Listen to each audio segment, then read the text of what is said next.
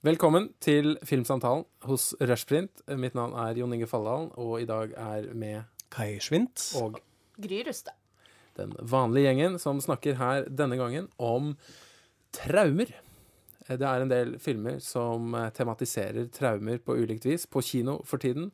Eh, fra de store nasjonale, historiske, geografiske eh, Holocaust, eh, krig, folkemord, ned til eh, eh, mindre eh, personlige traumer som kan behandles eh, eh, i mindre dramatiske filmer, f.eks. Så det er et, et vidt spenn. Eh, det er en måte å samle eh, interessante filmer jeg ønsker å si noen ord om i denne podkasten også. Vi skal si litt om eh, Death of Stalin, litt om eh, eh, BPM, eh, 100 slag i minuttet, og Utøya-filmen til Erik Poppe. Vi vil komme med noen anbefalinger om ting vi har likt i det siste, som ikke nødvendigvis har noe med denne tematikken å gjøre.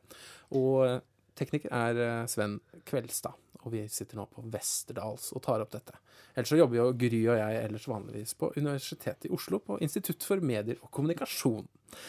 Men Kai, du er jo litt sånn komedieeksperten og humorforsker og sånt, og Death of Stalin har jo et eget eh, ståsted, en egen måte å angripe eh, traume gjennom satire, og det har jo vært gjort tidligere. Og eh, kanskje vi kunne begynt her med at du sier noe om hva du tenker om denne filmen, og hvordan den eventuelt lykkes eller ikke med å behandle liksom tunge ting. Det er Stalin, og det er ja. Sovjetunionen, og, men eh, i satirens form. Ja, det er jo en veldig interessant blanding når man ser det på papiret. Så er det på en måte ja, ok, her skal det gjenfortelles uh, hva som skjedde etter Stalins død. Uh, hvordan hele denne nomenklatura forholdt seg til det. Uh, og samtidig av dette filmen til uh, Veep-skapere, Amanda Iannucci. Og fikk ut. Ja, riktig. Som jo hoppet av Veep for et par sesonger siden. Ja. Sikkert annet for å jobbe med dette, da. Ja. Uh, og det hele er basert på en uh, tegneserie, en graphic novel, uh, en fransk en. Så det er en litt sånn interessant blanding. Um, den, filmen har jo fått en del kritikk, også at den er rett og slett ikke morsom nok. At man går inn med en forventning dette, at dette blir mest tullete og litt sånn flåsete. Um, men det fungerer jo ikke helt sånn. Og det var også det som slo meg først, at dette her er ganske heavy. Dette er ganske grov. Uh, filmen begynner litt sånn tullete i en konsert. Uh, og så uh, skal et konsert spilles inn, men de glemmer å ta det opp. Uh, og så ringer Stalin uh, selv til regissøren og sier jeg vil ha den, det opptaket med en gang. Og så må de på en måte spille en hel på nytt og tvinge folk til å få bli i salen og høre på det hele en gang til. Det var litt som første gangen Gry og jeg laget podkast, og vi hadde slettet hele det første opptaket. Og så måtte vi gjøre det på nytt. litt sånn, men dere hadde ikke Litt sånn parallelt. de, Dere hadde ikke Stalin på vent? som Nei, vi hadde ikke Stalin på tråden. Det var redaktør Kjetil Lismoen. ja, litt sånn, nei, ja, ok. Eh, Så det var eh, på en måte en fin måte å ha den type eh, diktatur og Sovjetunionen eh, basert på en sånn klein sekvens hvor man fikk all den dynamikken med, altså all det fryktregimet, hvordan det påvirkes folk i hverdagen. Så jeg syns det var en veldig smart vei inn. Eh, og da er det egentlig god stemning, men så blir det plutselig ganske mørkt. Da er det tortur og dreping, og Stalin dør og tisser på seg, og det hele har en litt sånn en uforventet realisme. Så da er man litt satt ut, uh, syns jeg. Uh, men samtidig har filmen da egentlig samme dynamikken etter hvert som en Veep-episode. Uh, jeg syns at eh, den er først og fremst kanskje en film om performance, hvordan alle de kule skuespillere spiller sammen. At det er en sånn klassisk ensemble piece. Eh, og det er også der den satiren fungerer best. Altså hvor latterlig, hvor patetisk alle disse partiøverstene er og oppfører seg. Da destillert via alle disse kule skuespillere som Jason Isaacs, Michael Palin, Rupert Friend osv. osv. Som egentlig ikke prøver å få til en sånn eh, troverdig eh, rendering av disse historiske personene med sånn russisk aksent, men de snakker med sin aksent. Steve Buscemi snakker amerikansk, og Jason Isaacs har sånn Yorkshire-dialekt osv. Så, videre. Og det drar det hele på et litt annet nivå, med, kanskje mer på en sånn allmennhetssituasjon. Det kan like godt sies noe om Trump i dag og alle diktatoriske systemer. Det er ikke nødvendigvis basert på Stalin. Så sånn sett syns jeg det er en veldig vellykket satire. Så jeg har jo ikke sett filmen, så det hvordan den behandler traumer på, er på en måte sånn Eller som det høres ut for meg, da, er at uh, man har Det her er idioter som gjør at den vanlige befolkningen lever i et helvete. At det er det som er traume, da. Er det det Altså, satir, Er det der satiren ligger? Ja, på en måte, ja. Altså, det er en sånn klassisk humorteori, den ene som vi har overlegenhetsteori. Altså at man gjør narr av autoriteter. Mm. vi liksom ler opp Makten over makten. av. makten. Ja. Se hvor jævlig og patetiske de er. Men så har filmen kanskje, drar det kanskje enda lengre i å vise hvor forferdelig alt dette rundt egentlig er.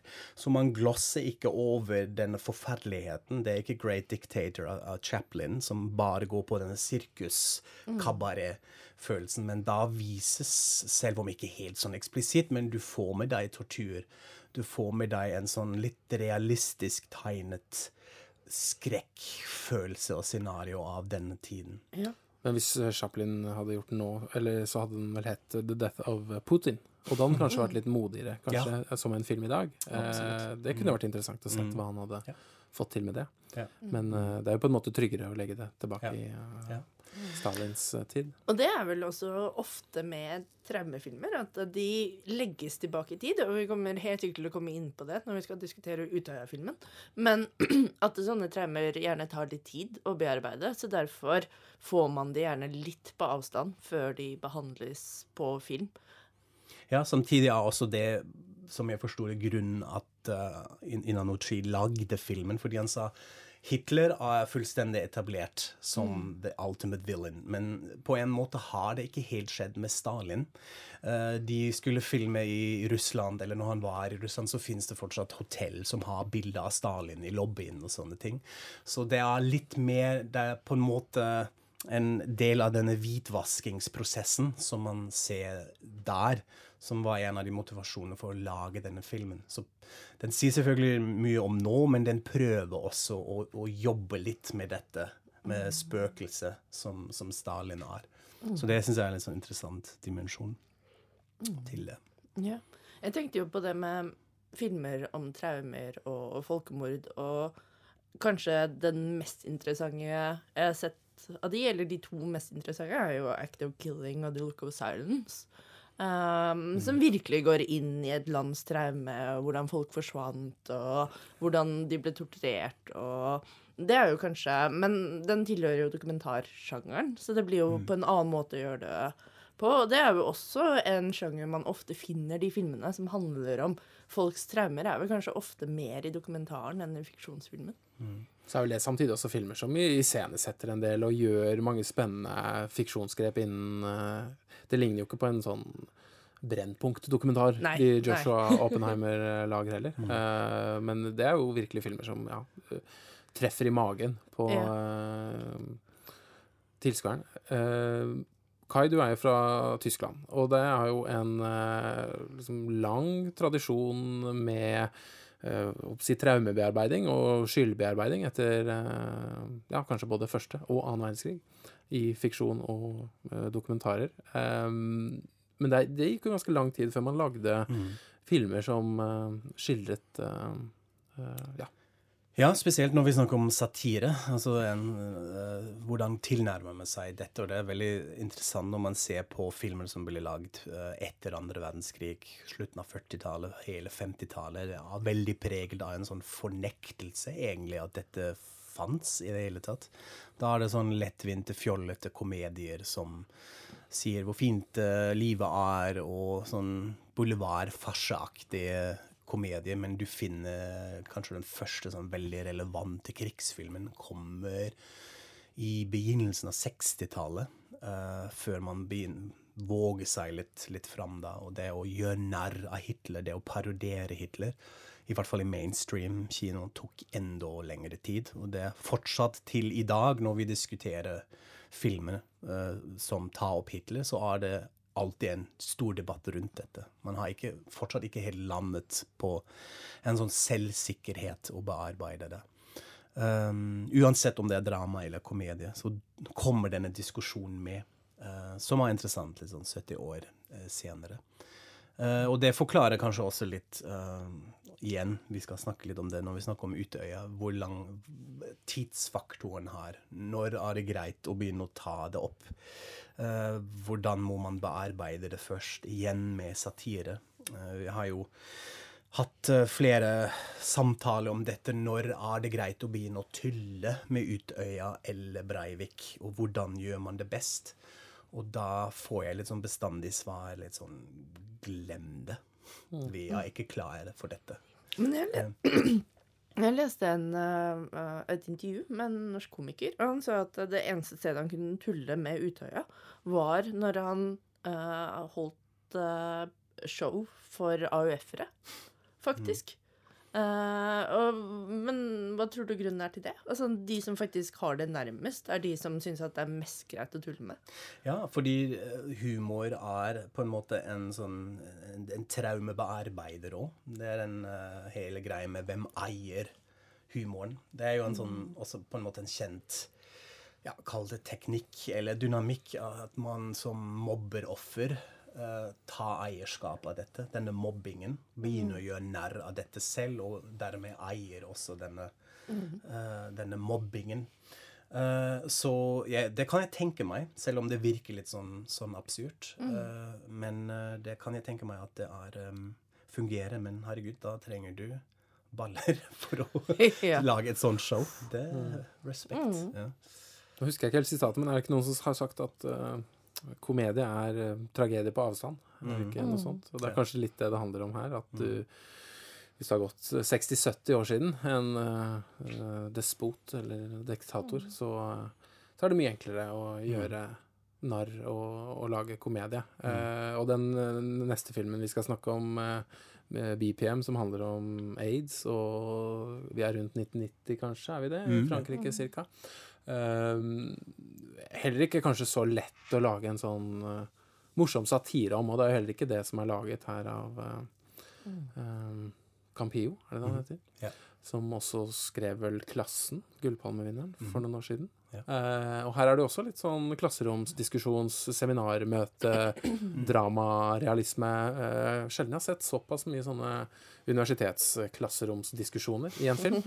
Uh, uten at det blir for kjedelig.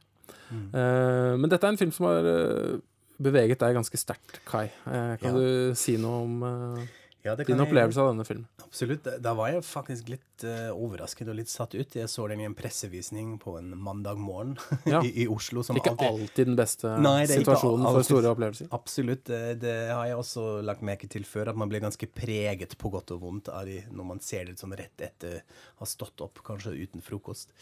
Uh, nei, den, har, den, fungerte for meg ut, utrolig bra, og jeg var, det var masse som, som uh, gikk inn på meg da. Det første er litt den eh, strukturen som du var litt inn på. Vi begynner egentlig at vi deltar i disse Act Up-møter. Det handler altså om denne om aktivister i Frankrike i begynnelsen av 90-tallet som vil gjøre noe med at man ikke snakker på en riktig måte om aids. Eh, at dette har en gruppe mennesker som er fullstendig marginalisert.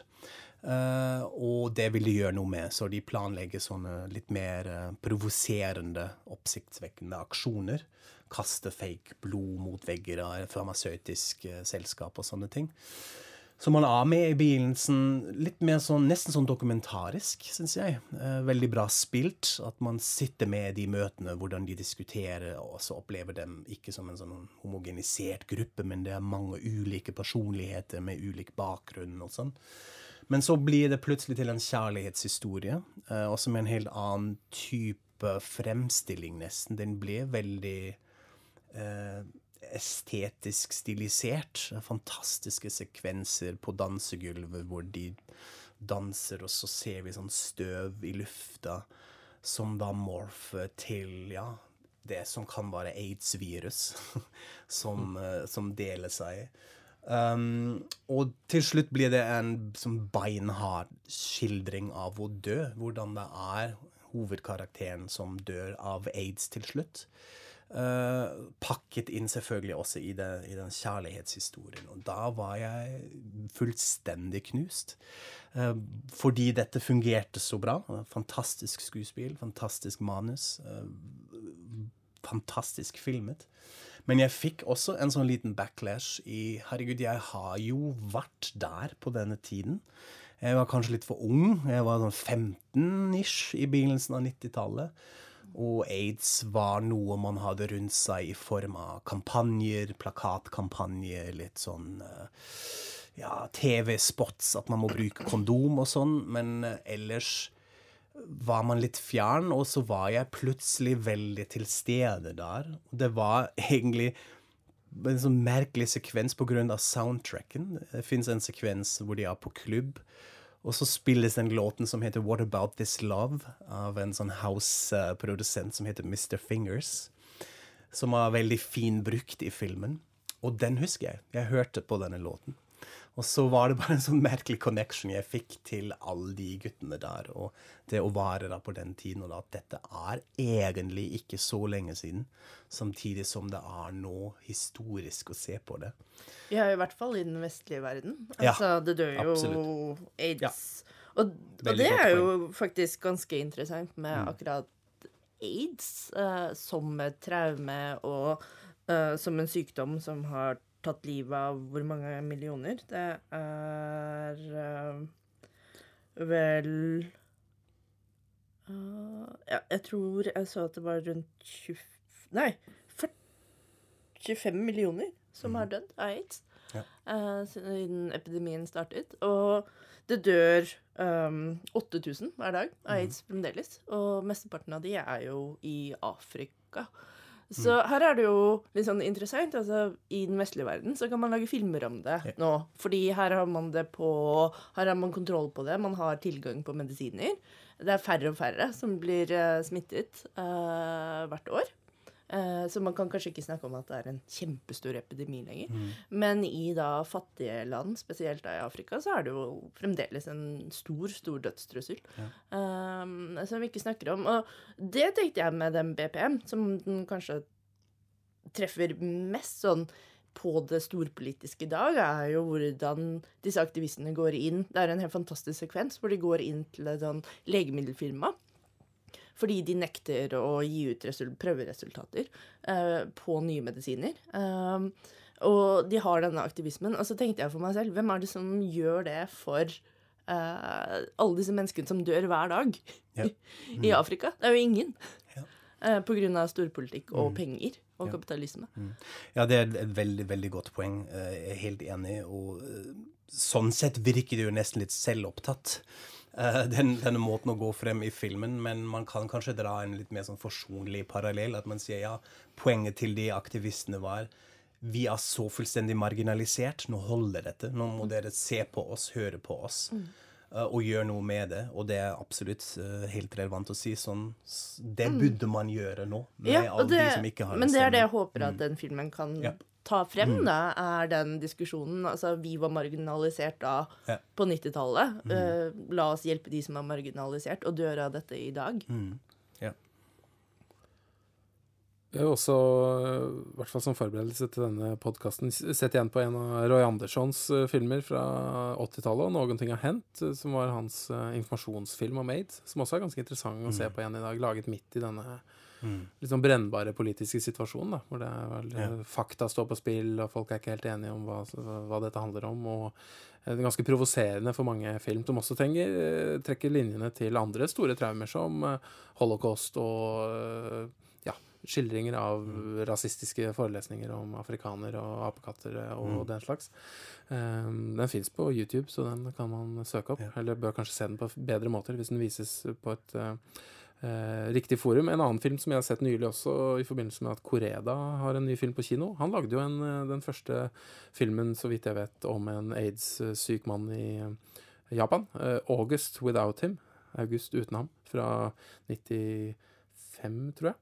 Eh, som var en følger en, eh, den første som ble offentlig kjent som en aids-syk mann som døde ja, etter to år med filming, hvor de følger han eh, Den ligger også på YouTube, det er bare å søke opp. Eh, som er ganske spennende, fordi han, han viser seg å være en sånn helt eh, selvfølgelig vanlig fyr, som er ganske utnytter vennene sine til å gjøre ting for seg, og filmskaperne, og til slutt så blir det litt sånn hjelpere, og han er litt sånn ufyselig på sitt vis også.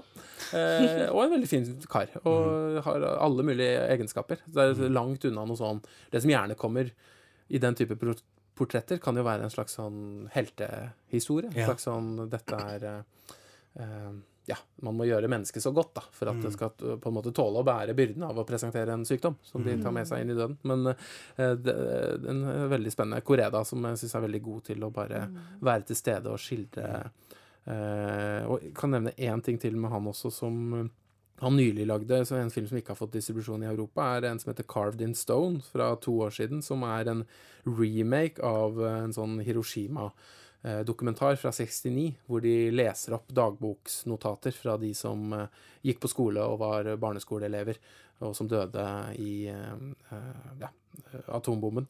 Uh, hvor det også er folk som i dag går og snakker om Ja, her vokste jeg opp, og det var på dette gatehjørnet det smalt en gang. Og som er en mer sånn skal vi si, tradisjonell, hyllende type traumebearbeiding. Altså det store japanske eh, traumet som eh, atombomben var. Så eh, Den er ikke så lett å få sett, men eh, den fins på DVD, i hvert fall i Japan.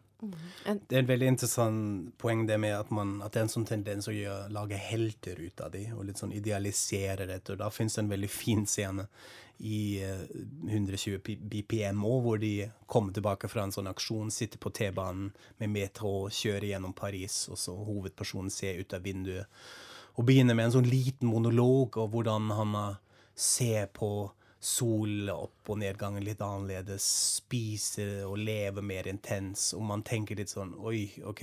Og så begynner han å fnise, og alle begynner å le og si nei, det er ikke slik. Det er fortsatt helt jævlig å ha aids. og det syns jeg var en sånn smart og superfin grep, at det ikke blir en sånn klissete heltefortelling her. Og filmen går jo helt til den siste konsekvensen, fordi vi er med i denne dødsprosessen til Han har jo også mange dårlige egenskaper. Ja, denne hovedpersonen. Han er ganske avvisende uten grunn Ja. overfor en del, og oppfører seg litt sånn Ja. Ja, ja. ufint i en del sånn sosiale sammenhenger. Ja, det er det. Eh, Så det er ikke Ja, det er langt fra den der eh, fungerer veldig bra. Og, og også den Roy Andersen-filmen som du nevnte, du sendte den jo til meg eh, i Ja. dag, og jeg så på den, og da eh, På en måte har man alt denne ja, kanskje en sånn generell tilnærming til traume, men du har også dette at det handler om ensomhet. Det de opplevde. At man, blir, at man er så jævlig alene uh, med dette. Uh, det er et sånn fin sitat i filmen at hva du kan gjøre for å ikke få aids, ja, du må være avholdende, eller du må være trofast i et forhold Uh, når man har noen. Ja. Og det syns jeg var en sånn fin setning, eh, fordi det, det handler jo om dette òg. Det har jo rammet alle de unge menn som er ute og vil live, eh, leve og date og ha det gøy. Og så de, får de sånne medisinske legebeskjeder. Eh, det går fint hvis du har noen, men hva gjør du hvis du er helt alene? Så det er en veldig fin parallell, da. Men jeg tenkte, jo, hvordan syns du denne passeriden i Det er jo veldig mange filmer om aids-epidemien etter hvert. Hvordan syns du den passeriden sånn, hvis man, man tenker var den første store, var kanskje Philadelphia. Steven Spielberg og Tom Hanks. Uh, så har det jo Det kommet var Jonathan Demme. Å ja, beklager. Ja. Jeg husker Tom Hanks, da. Mm, ja. Men det, det, det er vel den, kanskje mitt første møte med aids som sånn sykdom, annet enn sånn du hørte om. Jeg var vel 13 da den kom ut. Så det var mitt sånn første møte sånn Oi. Ja, det er, altså, den var jo veldig viktig på den tiden òg, og jeg tror det er kanskje enda viktigere at du har den store filmstjernen Tom Hanks som spiller en homofil aids-syk mann. Så sånn sett er den sikkert banebrytende. Men det er ofte, den blir jo ofte diskutert i, i sammenheng med dette. Ja, lønner det seg å lage sånne filmer? Og ja, det var så brave å lage en film til tross for hva disse Hollywood-studiene tenkte. Og sånn sett er det veldig viktig, og alt det med representation, men um, da avsporer denne diskusjonen litt. Man diskuterer så mye om hva Hollywood Studios syns er viktig å lage. Eh, så jeg tror man har blitt litt mer nyansert da. Eh, og sånn sett har også 120 BPM gjort mer inntrykk for meg. Men dette er nå også veldig preget av min opplevelse, så eh, jeg vet ikke hva du syns om hva, hvem er viktigere, eller hvordan fungerte den på den tiden? Jeg syns vel den vi snakker om nå, er en bedre film. Ja. Eh, men uh, nå ga jo Philadelphia oss i hvert fall eh, Bruce Springsteens 'Streets of Philadelphia'. Yeah. Så P4 fikk en låt de kunne spille hver dag. Bare for å si noe litt tullete, som en oppsummering på det segmentet. Uh, fordi den siste filmen i liksom, hoveddiskusjonen vår i dag er jo Utøya-filmen til uh, Erik Poppe.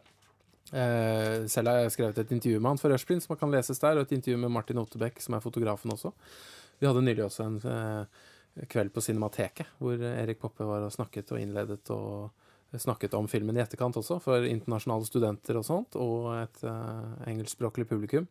Uh, for dette er en film som nå slår an også ute i verden, med bra salg og gode kritikker uh, ute. Den skapte jo stor debatt på Berlinalen, og var jo ifølge mange kandidat til å vinne priser og den slags, men eh, har jo nå også blitt uh, godt mottatt av uh, de som går på kino. Flere hundre tusen har allerede sett den på kino i Norge. Og det er jo selvfølgelig det store uh, norske traumet de siste ja, etter annen verdenskrig. Uh, 22. juli. Um, og dere har begge sett eh, filmen, og det er jo eh, en annen måte enn begge de to vi har diskutert hittil, å nærme seg dette traumet på. Eh, men kanskje dere først kunne si litt om opplevelsen av å se filmen?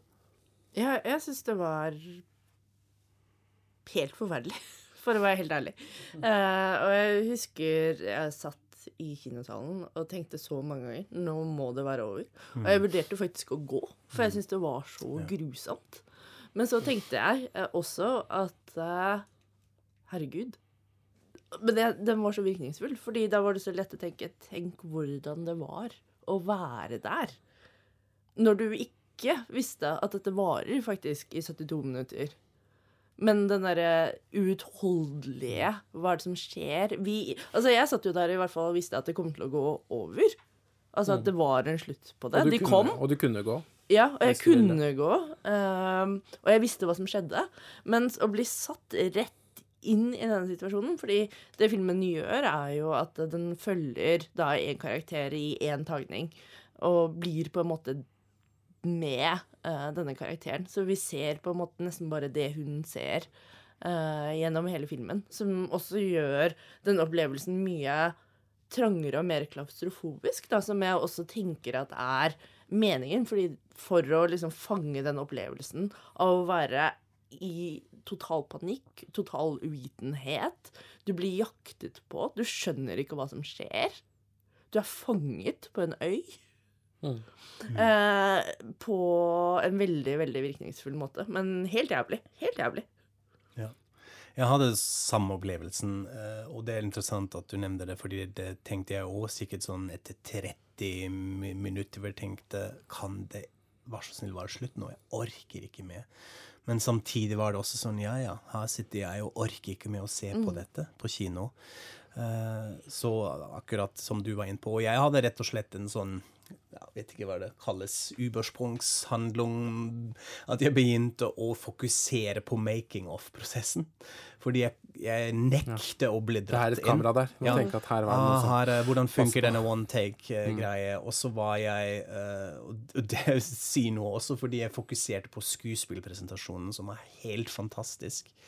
Eh, spesielt og jeg har notert meg navnet Solveig Kolløen Birkeland, som spiller en jente. En døende jente som vi har med i en ti minutters sekvens. Som vår hovedperson kommer til. Andrea Berntsen som spiller. Og og skal liksom passe på henne, og man skjønner fort ok, hun har så mye skadet, dette kommer ikke til å gå bra. Og det å spille og dø på film er jo noe av det mest vanskelige man kan gjøre. Troverdig. Jeg har nettopp tilfeldigvis lest et eh, intervju med Michael Haneke om det, som, som rantet om hvor vanskelig det er å fremstille å dø, og jeg er helt enig i det. Og jeg har nesten aldri sett sånt på film. Jeg, eh, jeg prøvde å konsentrere meg på den making of. Ja, hvordan instruerer man dette? Men jeg ble dratt inn fordi hun spilte dette så bra. Ja, det er vanskelig å falle ut av den. Ja, det er vel liksom vanskelig, vanskelig å, å falle ut. tenke og Ja. dette er Ja. eh, lyssatt, eller er det Ja, ja. klippet her, eller hva har skjedd? Mm. Det er, eh, Så det er Jeg gikk inn med et lite forbehold i begynnelsen, det må jeg ærlig si. OK, hvorfor trenger vi dette nå? Eller hva trenger vi det til, kanskje litt mer? Og jeg ble veldig overbevist. Det er noen små ting som jeg syns ikke fungerte så bra, eh, men resten er en eh, veldig bra veldig viktig påminnelse på hva vi egentlig snakker om når vi ser på debattklimaet i dag. Eh, hva betyr dette egentlig? Ja, det er akkurat det. Som det ser ut. Å slakte ungdommer på en øy på den måten. Så ja. Stor respekt til Erik Poppe og alle involverte, da. Ja. Jeg kan ikke skjønne at noen som ser denne filmen, kan noensinne klare å bruke ordene Utøya-kortet Ja. Mm. igjen.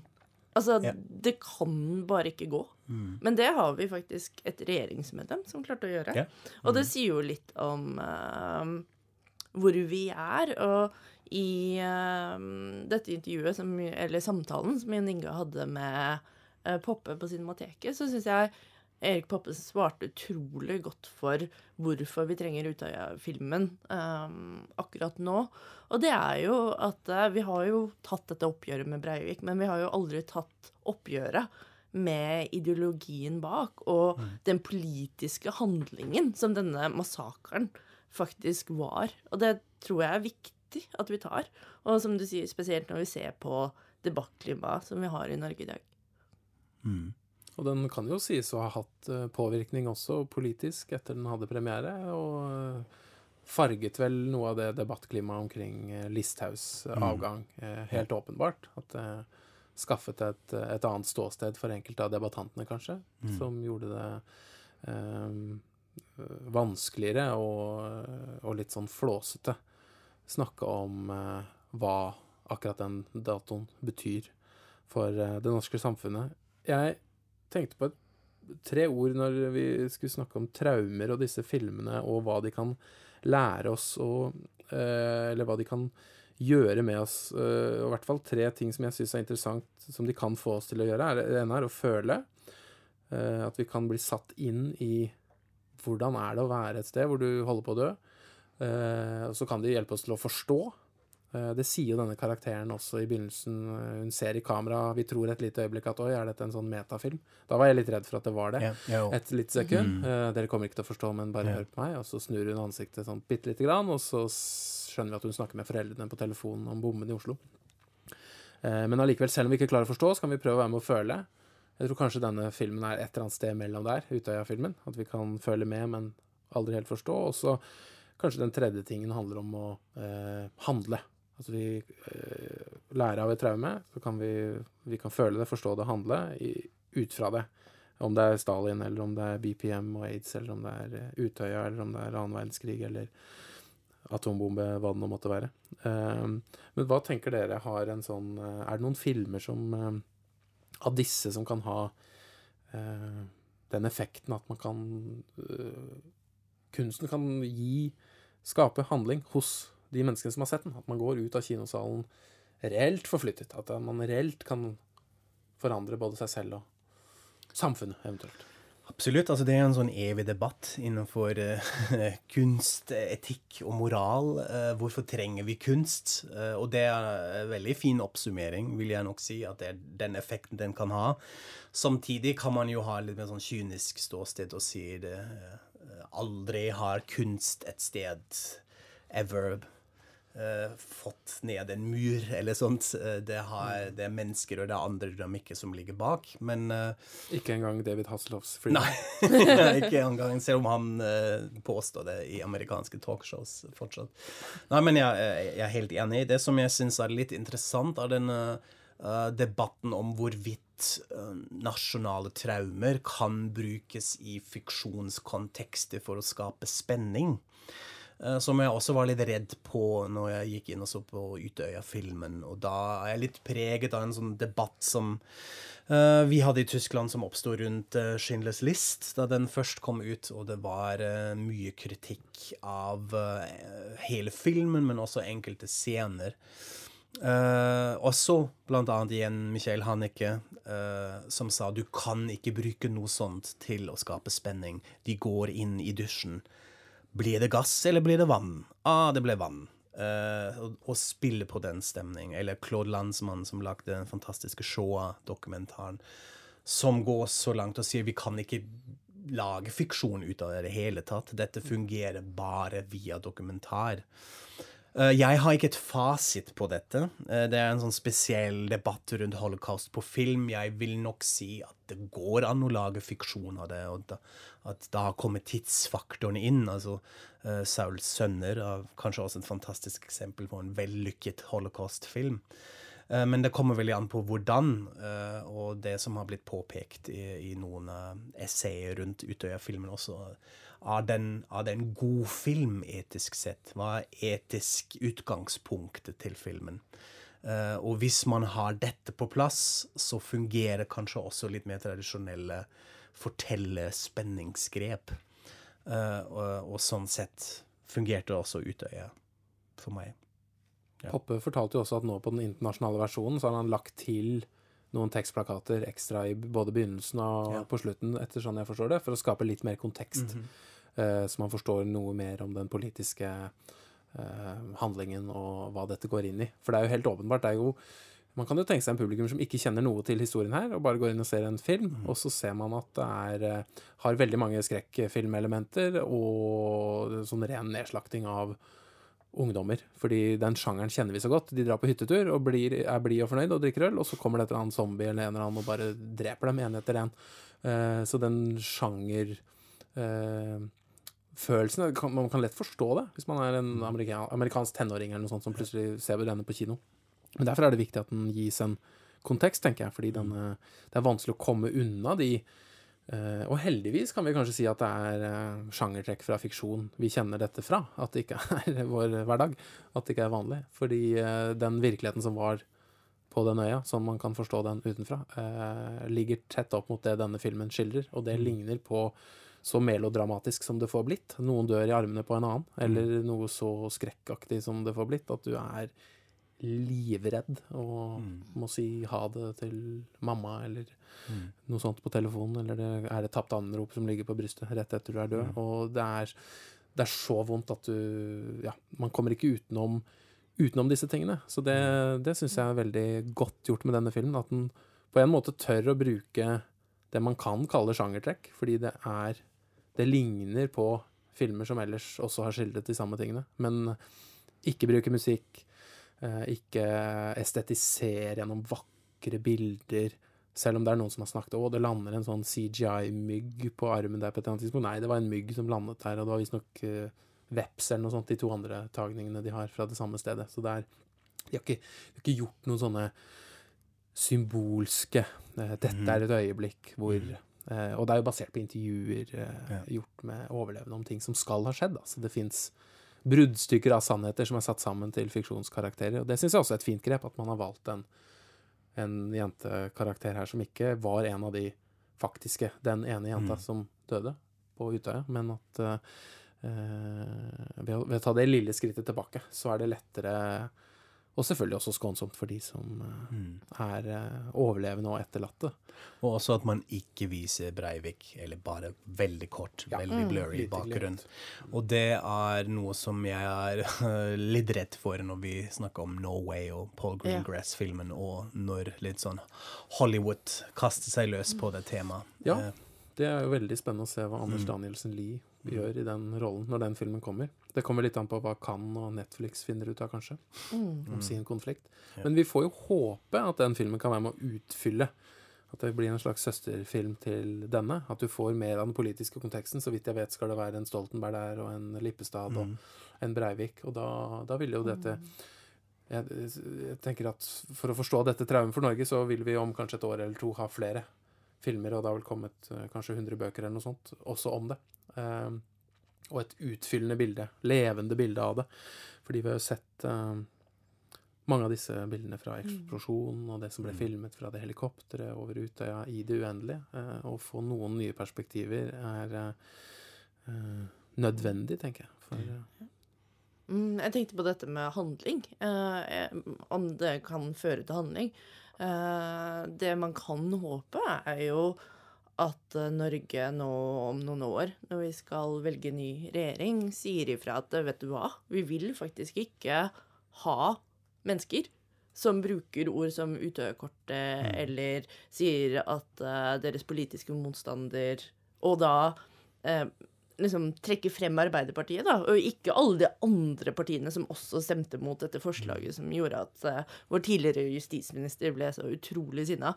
Uh, at vi ikke vil ha det i regjeringskontorene. At vi vil ha en statsminister som setter ned foten og sier at vet du hva, denne type retorikk som førte til uh, det som skjedde på Utøya, det får ikke lov til å skje. Altså, jeg fulgte um, litt av liksom, diskusjonene på sosiale medier og kommentarfelt og sånn under Listhaug-saken. Og det man leste der Altså, det er jo kjempeskummelt. Det føles jo ut som det er 20 tikkende Breivik-bomber der ute. I hvert fall i disse kommentarfeltene, om ikke flere. Uh, og det er skremmende. Og det håper jeg at vi som nasjon kan handle imot. Uh, fordi jeg tenkte på Altså, vi vet jo, eh, eller har hørt av de som var der, at han gikk jo rundt og lo. Og liksom, liksom Nå skal dere dø, kulturmarxister, og Og det er jo utrolig ubehagelig. Jeg tror kanskje et av de aller mest sånn ubehagelige, eller litt sånn skremmende eh, øyeblikkene i filmen var jo når, er jo når du ser Breivik-skikkelsen, hvor han står og skyter, Uh, og så hører du at han ler mens han skyter på disse ungdommene. Eh, og det er helt ja. Sånn sett er det viktig å påminne alle hele tiden hva, hva det faktisk handler om. Jeg er helt enig i det. Det er sånn det ser ut, all den teoretisk ideologiske svadanen. Til slutt er det om å drepe handler det om å drepe tenåringer på den måten, på en øy. Så ja. Og det sitatet du fant fra Anderssons 'Noen ting har hendt' i stad også, Kai, med ehm, eh, Hvis man har noen, eh, som en sånn grunnleggende menneskelig håp for eh, et samfunn som skal fungere, så er det jo de folkene som faller utenfor, som eh, gjør opprør mot eh, majoriteten når de ikke føler seg hørt. Så kanskje vi skal slutte der med den diskusjonen. Men i dag skal vi også ha noe vi ikke har vært så flinke til på hver podkast, men å ha en liten anbefalingsrunde. Fordi vi ser jo mye rart hele tiden. Men er det noe spesielt som dere ønsker at andre folk skal eh, få glede av i eh, tiden framover? Ja, jeg har øh, Jeg var en liten tur i USA, og der oppdaget jeg den store reality-kultserien øh, som har blitt genierklært i sånn type New York Times og The New Yorker, faktisk.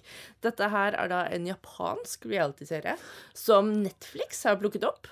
Så den her kan man da se på Netflix. Den heter Terrace House. Eh, Det er en slags japansk The Real World. Det er tre unge kvinner, tre unge menn, som flytter inn i et veldig pent hus.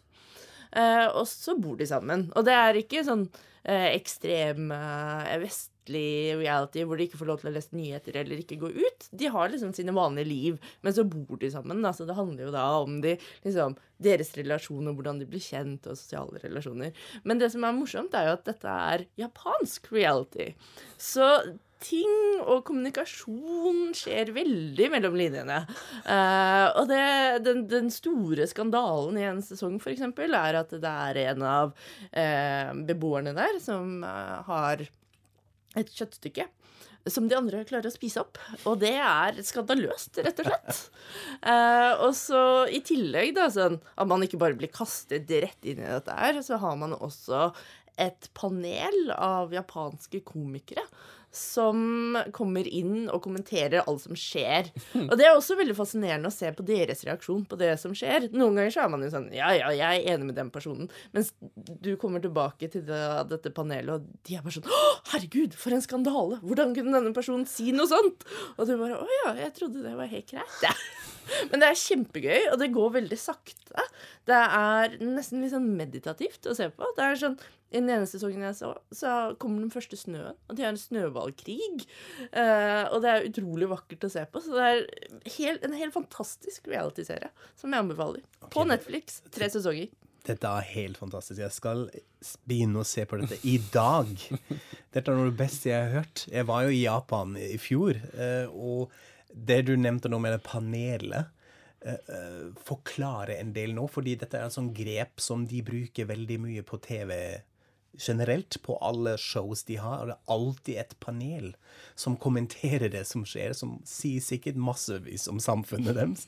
Så dette syns jeg er veldig fint at de har dette med òg. Det skal jeg absolutt binge. Terrace House. Terrace House på Netflix. Kult. Høres meget forlokkende ut. Mm. Men Kai, har du sett noe spennende? Eh, ja, ikke akkurat spennende, men jeg blir så glad i hjertet mitt når jeg oppdaget at Netflix har nå kjøpt hele Monty Python back-katalog.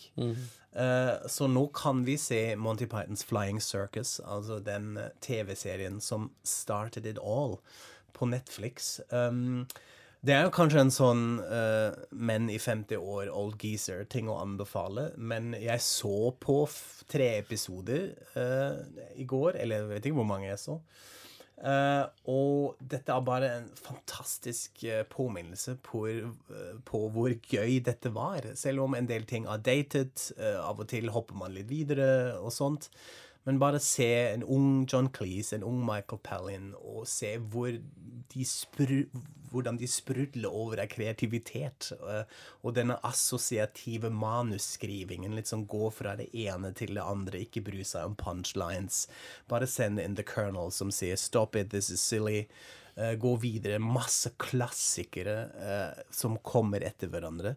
Det er nesten skremmende hvor kort skremmende. eh, Hvor bra det er, og hvor Ja. kort de har kommet. Uh, hva skal jeg si, SNL og John Ja. Oliver og alle de andre som Absolutt. forsøker å være morsomme i dag. Ja, ja, ikke og sant? Cutting Edge. Det er så er masse der. 1969 Ja. vel så Så jeg blir bare, altså for, for min egen del, bare å ja, det skal jeg binge litt. Og så tanken at det er mange ungdommer nå på Netflix som kanskje snubler over dette og begynner å se Monty Python. Det gjorde meg litt glad. Så Monty Python på Netflix fra, jeg tror, i går, offisielt tilgjengelig. Jeg tror vel det er en anbefaling vi alle tre stiller oss bak. Ja. Ja, Så kommer snart. John Cleese til byen også skal ha standup. Ja. Så det kan jo bli artig. Eh, jeg har også en liten anbefaling, og en liten til, selv om Gry sa at vi bare skulle få én vei. Eh, Atlanta eh, er en veldig morsom serie. Eh, den eh, er i sin sesong to. Eh, Donald Glover eh, tar f.eks. på seg eh, whiteface i en episode, og er eh, en karakter som heter Teddy Perkins, som er en Michael Jackson recluse-aktig karakter med pipestemme. Hvor eh, karakteren Darius kommer hjem på besøk dit og forsøker å finne ut i et slags skrekkhus hvordan han eh, skal forholde seg til denne rare mannen som skal selge et piano. For han er en slags uh, miks av Keith Jarrett og Michael Jackson. Så han er en pianogeni som i, går ikledd uh, rød slåbrok. Eh, en genial serie, spør du meg. Og så er det en bitte liten svensk serie som heter Søkerne, som ligger på SVT Play. Som er eh, humorgruppen Klungan som har laget. Som tidligere har laget Ingen bor i skogen. Som er en mann og en kvinne som reiser rundt i en bobil og forsøker å finne meningen med livet i en eh, skog eller ute på snøen, eller, og de finner ikke så mye ut av det. De kan sitte i hver sin stol og vente 20 sekunder og vente på en ball, og så spør kvinnen hvor ja, Hvor er bollen? Det er liksom punchline. Det er, eh, så kommer det til slutt en ball, da. Fordi da har de vært på et hotell og spurt om det finnes en ball som de kan leke med. Ah, sant. Um, Skal se på det nå. Ja. Det er også sånne korte sju minutters episoder. Jeg tror den ligger på SVT Play i hvert fall fram til sommeren. Virkelig verdt å se. Er det åpent for norske? Det er norske? åpent for Ja. norske, i hvert fall for min helt vanlige tilgang Mm. på um. Vi vet kanskje ikke hva vi skal ha om neste gang. Det vet på vi jo aldri. Men, eller Men, når det duk, dukker opp en igjen. ja, vi skal vi- prøve om en måned. da. Ja. Vi kommer tilbake før dere aner det, og håper dere har hatt en uh, OK liten time eller noe sånt, kanskje, med oss i dag om traumer. Så takk for oss, og uh, till next time.